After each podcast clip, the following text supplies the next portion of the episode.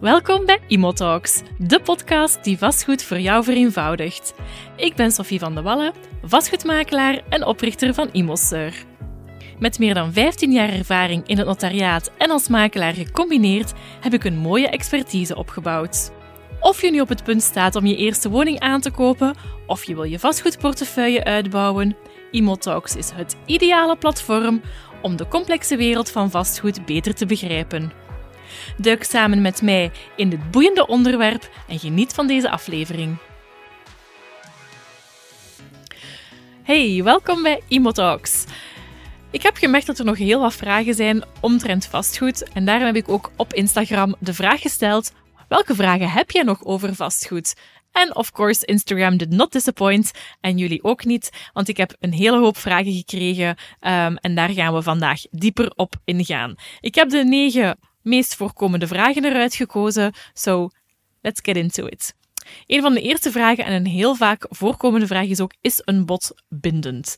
Um, dus je hebt een woning gevonden, je brengt een bod uit en ik kan je vertellen: een bod is bindend.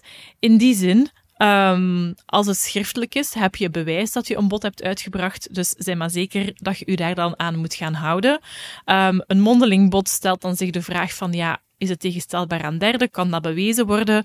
Maar in elk geval, let dus heel goed op wanneer je een bod uitbrengt, zowel mondeling als schriftelijk, want dat is voor echt. Hè. Um, zeker als de verkoper het dan aanvaardt, dan heb je echt wel, gaan, heb, heb je echt wel gekocht. Belangrijk dus om te weten is wanneer je een bod gaat uitbrengen, dat als er bepaalde onzekerheden zijn, zoals bijvoorbeeld ik ben nog niet 100% zeker dat ik een lening kan krijgen, zet daarin een opschortende voorwaarde voor de goedkeuring lening, zodat mocht in het slechtste geval je die lening toch niet krijgen, moet je ook die woning niet gaan aankopen. Zijn er bijvoorbeeld nog andere onzekere factoren, zoals um, heb je nog geen bodemattest gezien of zijn er nog geen stedenbouwkundige inlichtingen beschikbaar? Um, dat zijn dan ook zeker en vast zaken waar je een opschortende voorwaarde kan voor opnemen. Op de keerzijde van de medaille van opschortende voorwaarden is dat je uh, bod iets minder zekerheid biedt voor de verkoper, uh, maar in alle geval laat je dat niet tegenhouden en zet zeker en vast de voorwaarden waaronder je bod doet uh, mee op papier, want een bod is een bod en dat is wel degelijk bindend.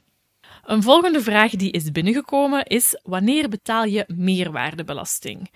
Um, dat is direct een heel andere boterham en een vrij uh, zwaar onderwerp. Dus ik ga dat proberen zo kort mogelijk samenvatten. Maar meerwaardebelasting um, betaal je niet altijd. Dus we gaan er heel even vanuit dat we als privépersoon um, iets gaan verkopen. Is dat je eigen woning waar je gedomicileerd bent, uh, geweest in de afgelopen jaren die je gaat verkopen, betaal je daar geen meerwaardebelasting op. Dus dat is wel een heel interessant en belangrijk gegeven. Wanneer je je eigen woning verkoopt, geen, geen meerwaardebelasting van toepassing. Verkoop je een tweede verblijf bijvoorbeeld, um, of een uh, pand dat je had gekocht om te gaan verhuren, en je verkoopt dat binnen de vijf jaar na je aankoop, dan heb je het vlaggen. Dan staat de belasting daar weer om een meerwaardebelasting um, te innen. Belangrijk is ook om te weten, is die termijn van vijf jaar verstreken na je aankoop, zal je ook geen meerwaardebelasting betalen. Um, dus Stel nu, we hebben iets gekocht, we hebben dat verhuurd, de markt is ineens super hard gestegen en je denkt, ah oké, ideaal, ik ga dat appartement um, terug of de, de, woning terug doorverkopen, dan betaal je effectief een meerwaardebelasting. Een meerwaardebelasting um, die bedraagt 16% maar vermeerderd met je gemeentebelasting. Um, dus op het verschil tussen de aankoopprijs en je verkoopprijs. Uiteraard mag je um, een aantal kosten gaan aftrekken, zoals je aankoopkosten, um, eventueel de renovatiewerken gedaan door een geregistreerde aannemer. Um, en heb je niet voldoende te bewijzen kosten, kan je ook gewoon gaan voor de vooraf vastgestelde forfaits uh, van de fiscus, waarin dat je bepaalde bijvoorbeeld 25% voor je aankoop mag gaan aftrekken en dan 5% per jaar. Um, maar die percentages zijn vastgesteld, dus het is altijd heel interessant en belangrijk ook om die berekening te gaan maken, om te kijken van uh, gaan we gaan voor de effectieve kosten of gaan we de forfaits in rekening brengen. Ik heb daarvan een voorbeeld op onze website geplaatst, ook een rekenvoorbeeld. Um, dus mocht je daar graag meer informatie over hebben, ga dat zeker even lezen. Heel interessant um, om dat na te lezen en na te rekenen voordat je effectief een beslissing gaat nemen van ga ik al dan niet uh, verkopen. Een volgende vraag die via Instagram is binnengekomen is: uh, wat is een naakte eigendom um, en een vruchtgebruik? Of uh, naakte eigendom um, wordt ook vaak een blote eigendom um, genoemd. Dus als je dat ziet staan, nee, dat is niks seksueel, maar dat is gewoon de manier van iets aan te kopen. Een, um, een woning of een onroerend goed is eigenlijk een volle eigendom. 9 kansen van de 10 ga je ook gewoon een volle eigendom aankopen. En een volle eigendom kan je zien als een, een deel naakte eigendom of blote eigendom en een deel vruchtgebruik. Het vruchtgebruik is eigenlijk de vruchten plukken van het onroerend goed of, de, um, of het genot. Dus dat wil zeggen, je mag de huurinkomsten opstrijken als uh, vruchtgebruiker, je mag er zelf in wonen, um, as you see fit eigenlijk. Um, de naakte eigenaar is gewoon eigenaar van um, van het gebouw, maar die mag daar zelf niet gaan wonen. Die, kan die mag daar zelf ook de, de, uh, de huurgelden niet van op van innen. Een beetje afhankelijk ook van de afspraken, maar dat is eigenlijk de structuur. Een vruchtgebruik kan je gaan beperken in de tijd. Een vruchtgebruik kan bijvoorbeeld beperkt worden in het aantal jaren. Dus we, hebben een, kopen een vruchtgebruik van bijvoorbeeld 30 jaar of 20 jaar. Vroeger hebben we dat heel vaak gebruikt gezien bij aankopen door de vennootschap en de zaakvoerder, waarin de zaakvoerder de naakte eigendom aankocht en de vennootschap het vruchtgebruik niet helemaal, niet altijd nog van toepassing, maar vroeger werd dat heel vaak gebruikt. En ook, het en ook wordt het nog altijd de dag van vandaag heel vaak gebruikt in het kader van successieplanning. Dus om de um, op, een, op een voordelige manier een vastgoed te laten vererven. Um, en dan kan bijvoorbeeld het vruchtgebruik een einde nemen bij overlijden. Dus wanneer dan bijvoorbeeld de ouders gaan overlijden, groeit een vruchtgebruik aan bij de naakte eigendom, waardoor de kinderen de volle eigendom gaan erven, zonder daar al te veel successierechten op te, op te betalen. Dat was de naakte eigendom vruchtgebruikconstructies in een notendop. Heel interessant, heel boeiend. Sta je op het punt waarin je meerderjarige kinderen hebt en je wil al gaan denken aan de successieplanning, ga daarvoor zeker langs bij je notaris um, om dat allemaal goed voor te bereiden en in goede banen te laten leiden. Een andere vraag die is binnengekomen um, is of het interessanter is om een vastgoed in het buitenland te kopen of in België. Um, en het gaat hier, ik denk dat we daarin twee onderscheidingen uh, moeten maken. Enerzijds is het je eerste woning. Um, en anderzijds is het een, een tweede woning voor een tweede verblijf of dergelijke meer. Alles hangt natuurlijk af van wat je wil in het leven. Um, wil je in België blijven of wil je toch liever naar het buitenland gaan? Maar mij lijkt het in de meeste gevallen, wanneer je je thuisbasis België zal blijven, zeker interessant om in België je eerste aankoop te doen, omdat er momenteel echt wel heel gunstige fiscale maatregelen zijn om in België je eerste woning te gaan aankopen. En ook naar het um, lenen voor die woning is dat veel gemakkelijker als die gewoon in België gelegen is, dan dat je meteen gaat voor je eerste aankoop naar een woning in het buitenland. Dat wordt heel moeilijk om die gefinancierd te krijgen, dus um, moeilijker te overwegen, denk ik, als het gaat over je eerste woning. Zeg je van, ah, we hebben al, ik heb al iets opgebouwd en ik zou graag toch kijken naar een tweede verblijf in het buitenland te gaan aankopen, uh, kan dat zeker en vast interessant zijn, um, omdat je er zelf nog gebruik van kan maken. Er zijn eventueel ook, uh, je kan daar ook gaan verhuren. Um, de huurinkomsten liggen misschien um, misschien ook wat hoger. Maar opnieuw, dan moet je helemaal kaderen in jouw leven en jouw doelstellingen. Um, dus praat daar zeker over met een professional. Het kan interessant zijn, maar weet ook dat. Um, wanneer je in België woont, het ook vaak makkelijk is om in België iets aan te kopen en het buitenland just adds een klein beetje meer moeilijkheid in hele transacties. Zeker niet onmogelijk en ook altijd heel, heel fijn om een pied te hebben in Spanje, um, bijvoorbeeld. Dan gaan we over naar de volgende vraag. Dan ga ik heel, even, heel eventjes piepen op mijn uh, blad. De vraag is: hoeveel registratierechten betaal je voor een aankoop? Opnieuw, we zijn in België, er zijn een miljoen regeltjes, dus we moeten daar een klein beetje onderscheid gaan maken. We hebben het over Vlaanderen. Um, dat is heel belangrijk, omdat het uh, afhankelijk is van het gewest, uh, is het ook afhankelijk welke registratierechten je zal betalen. Maar in um, Vlaanderen betaal je voor een eerste woning 3% registratierechten. Let wel, je moet daar ook je hoofdverblijfplaats gaan vestigen. Um, dus dat is wel, het is niet zo dat je bijvoorbeeld kan zeggen: ah ja, ik ga iets kopen, ik koop dat aan 3%, ik ga dat direct verhuren en ik ga daar zelf nooit wonen. Die vlieger gaat niet op, dus je moet daar effectief ook zelf gaan, uh, gaan wonen. Dan kan je aan 3% aankopen. In alle andere gevallen Koop je een tweede woning, ga je er zelf niet wonen, um, betaal je gewoon 12% registratierechten. Um, uh, dus dat is wel een heel, dat is eigenlijk echt wel een heel, heel, heel groot verschil. Um, dus als je nog niks hebt, ga daar gewoon wonen, zodat je aan die 3% registratierechten, uh, dat je daarvan kan gaan genieten. Een andere vraag die is binnengekomen uh, via Instagram is: um, wanneer koop ik best mijn eerste woning? Nu, opnieuw een heel persoonlijke vraag, maar mijn advies, en dat is mijn persoonlijk advies, zo rap mogelijk, hè, waar wacht er nog op? Zodra dat je een um, vaste job hebt, uh, misschien al een klein beetje opzij hebt gezet, ga naar uw bank onmiddellijk en vraag wat de opties zijn. Zegt uw bank, ah nee, je moet nog een beetje meer sparen, ga eens naar een andere bank. Um, er zijn banken die 100% lenen. En het is echt waar, mijn, het is mijn persoonlijke mening, dat je eigenlijk niet zo rap kan sparen als dat je vastgoed in waarde gaat stijgen. Dus ik ga dat nog een keer herhalen. Hè. Volgens mij kan je niet zo snel sparen dan dat je vastgoed in waarde zal stijgen. Um, ik heb het nu niet over uw, geld te beleggen op de beurs aan een, aan een hoger rendement. Uh, ook opnieuw niet zonder risico's.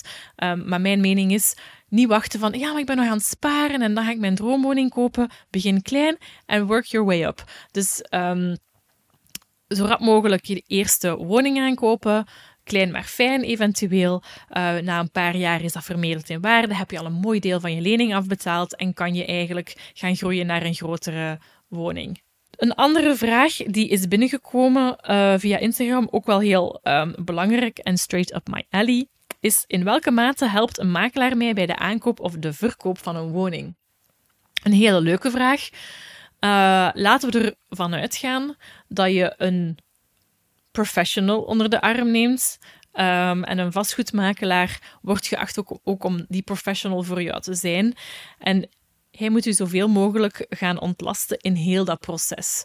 Dus je gaat een woning aankopen, die woning staat te koop bij een vastgoedmakelaar, dan mag of dan moet je er, vind ik, vanuit mogen gaan dat um, het volledige dossier in orde is en dat zij al hun documenten hebben aangevraagd, al die documenten hebben gecheckt en jou ook de juiste informatie gaan meegeven. Vraag daar ook naar. Hè. Zeg van, hey makelaar, um, heb je alle documenten aangevraagd? Zijn er bepaalde addertjes onder het gras? Is er iets waar, waar ik zeker moet naar kijken? Um, zijn er bepaalde bouwvertredingen, bodemverontreinigingen, dergelijke meer? Ga echt gewoon die vragen gaan stellen. Maar je mag er, allez, ik vind dat je ervan uit zou moeten, mogen moeten gaan dat een makelaar zijn dossier in orde is en ook zijn dossier gewoon kent. Op die manier ben je als koper ook veel zekerder van je aankoop en koop je geen kat in een zak. Een um, makelaar bij een verkoop van de woning die gaat jou ook volledig ontlasten als verkoper. Uh, door alle documenten aan te vragen en ervoor te zorgen dat het volledige dossier in orde is, jou tips te geven um, die de verkoopprijs of de, en de verkoop gaan bevorderen en eigenlijk die volledige begeleiding gaan voorzien van A tot Z een goede makelaar, die zal ook na de akte nog aanwezig zijn, zal je helpen met de sleuteloverdracht, de telleroverdracht te regelen, om dat allemaal in goede banen te leiden, zodat jij je als um, uh, particulier enkel en alleen moet focussen op de verhuis, wat dat al werk genoeg is. Hè. Laten we even eerlijk zijn. Een andere vraag uh, die is binnengekomen is: wanneer moet ik eigenlijk mijn huurovereenkomst opzeggen als ik iets heb aangekocht? Dat is um, heel interessant en heel belangrijk, want heel veel mensen gaan eigenlijk van een huurwoning naar een uh, pand dat ze hebben gekocht. En de, het belangrijk is om te weten, om te beginnen, is wanneer krijg je de sleutels? Krijg je de sleutels bij de akte of krijg je de sleutels pas later? In alle gevallen, zodra je de datum van de sleuteloverdracht weet, moet je rekenen, ga ik nog bepaalde verbouwingswerken doen of ga ik eigenlijk meteen verhuizen? Dus de verhuisdatum is cruciaal om te weten wanneer je de huurovereenkomst moet opzeggen. weet dat je een huurovereenkomst, dat je drie maand um, opzeg moet geven. Dus dat en dat die opzeg loopt de maand volgend op je opzeg. Dus stel nu, we zijn vandaag, ik ga eens even kijken, de 3 juli. Als je een huurovereenkomst um, wil opzeggen, je zegt die vandaag op, dan begint je opzegperiode pas te lopen vanaf 1 augustus. En dan heb je augustus, september en oktober um, als opzegperiode. Dus heel belangrijk, zeg dat op tijd op en kijk heel goed um, naar je opzeg. Uh, op, naar je verhuisdatum, om op die manier effectief te gaan inplannen wanneer je de overeenkomst gaat opzeggen. Voorzie ook niet van, ah ja, ik krijg mijn sleutel op 1 um, juli, um, dus ik ga op 30 juni verhuizen. Dat kan voor sommige mensen ook wel veel te nipt zijn, maar opnieuw, Kijk naar jouw situatie, wat is haalbaar. En weet ook natuurlijk, als je de woning hebt gekocht, dat vaak de afbetaling ook al begint te lopen. Dus sommige mensen verkiezen echt wel om dat heel krap te zetten, om dubbele uh, kosten te gaan vermijden. De laatste vraag, ik piep nog even op mijn blad, want uiteraard, ik moet even kijken. De laatste vraag die is binnengekomen is um, waarom het zo lang duurt na het kopen uh, dat je eigenlijk in de woning kan of mag. Dus effectief in België is het proces van de aankoop een vrij lang proces. Um, in die zin dat er, tenzij er andere afspraken zijn gemaakt, mag er eigenlijk standaard maximum vier maanden liggen tussen de ondertekening van de onderhandse overeenkomst of je compromis en het verleiden van de akte. Nu, vier maanden, dat is echt lang. Um, en op zich um, hebben wij die, heeft eigenlijk de notaris die periode echt wel nodig om alle documenten op punt te stellen. Um, er moet nog een hypothecaire staat aangevraagd worden, dus kijken van welke schulden liggen er op de woning. Maar ook jij als koper of de verkoper wordt nagetrokken in de fiscale notificaties. Zo moet nagegaan worden, staat er nog een belastingschuld open. Um, in dat geval is de notaris ook verplicht om die belastingschuld te innen op het ogenblik van het verleiden van de akte. Zelfs al zou die nog niet vervallen zijn, heb je nog twee maanden om die te betalen, staat die open op het ogenblik van het verleiden van de akte, moet de notaris die gewoon inhouden. Um, de belastingen zouden toch niet zonder geld mogen kunnen vallen. Hè? Dat is uh, heel de bedoeling daarachter. Um, en dus ja, vandaar die periode van die vier maanden. Um, de bank heeft ook nog een aantal weken nodig om het dossier bij de notaris te krijgen. Die periode van vier maanden wordt echt wel benut. Laten we zeggen dat de meeste actes tussen de derde en de vierde maand na de ondertekening van de compromis uh, doorgaan. Sneller kan ook, uh, maar dat wil zeggen dat iedereen echt wel heel, heel, heel scherp moet werken. En niet in alle gevallen is dat mogelijk. Weet ook, bij sommige huizen is er een voorkooprecht van toepassing. Dat wil zeggen dat iemand anders in de plaats mag treden van de koper. En dan zeggen ja, een sociale huisvestingsmaatschappij bijvoorbeeld kan zeggen: Ah, Um, die woning is vergoed aan die en die persoon tegen dat bedrag. Voor dat bedrag hebben wij ook wel interesse. We gaan het uitoefenen. En zij hebben vaak um, 60 dagen de tijd om uh, te antwoorden of zij al dan niet hun voorkooprecht gaan uitoefenen. En de notaris mag ook die termijn, um, die mag ook niet rapper verleiden, de akte verleiden tot als die eigenlijk hebben geantwoord of tot die termijn van die 60 dagen is verstreken. Voilà, dat waren negen vragen die wij hebben binnengekregen via Instagram. Ik vond het heel leuk om die samen te beantwoorden. En ik zie jou heel graag terug in een volgende aflevering.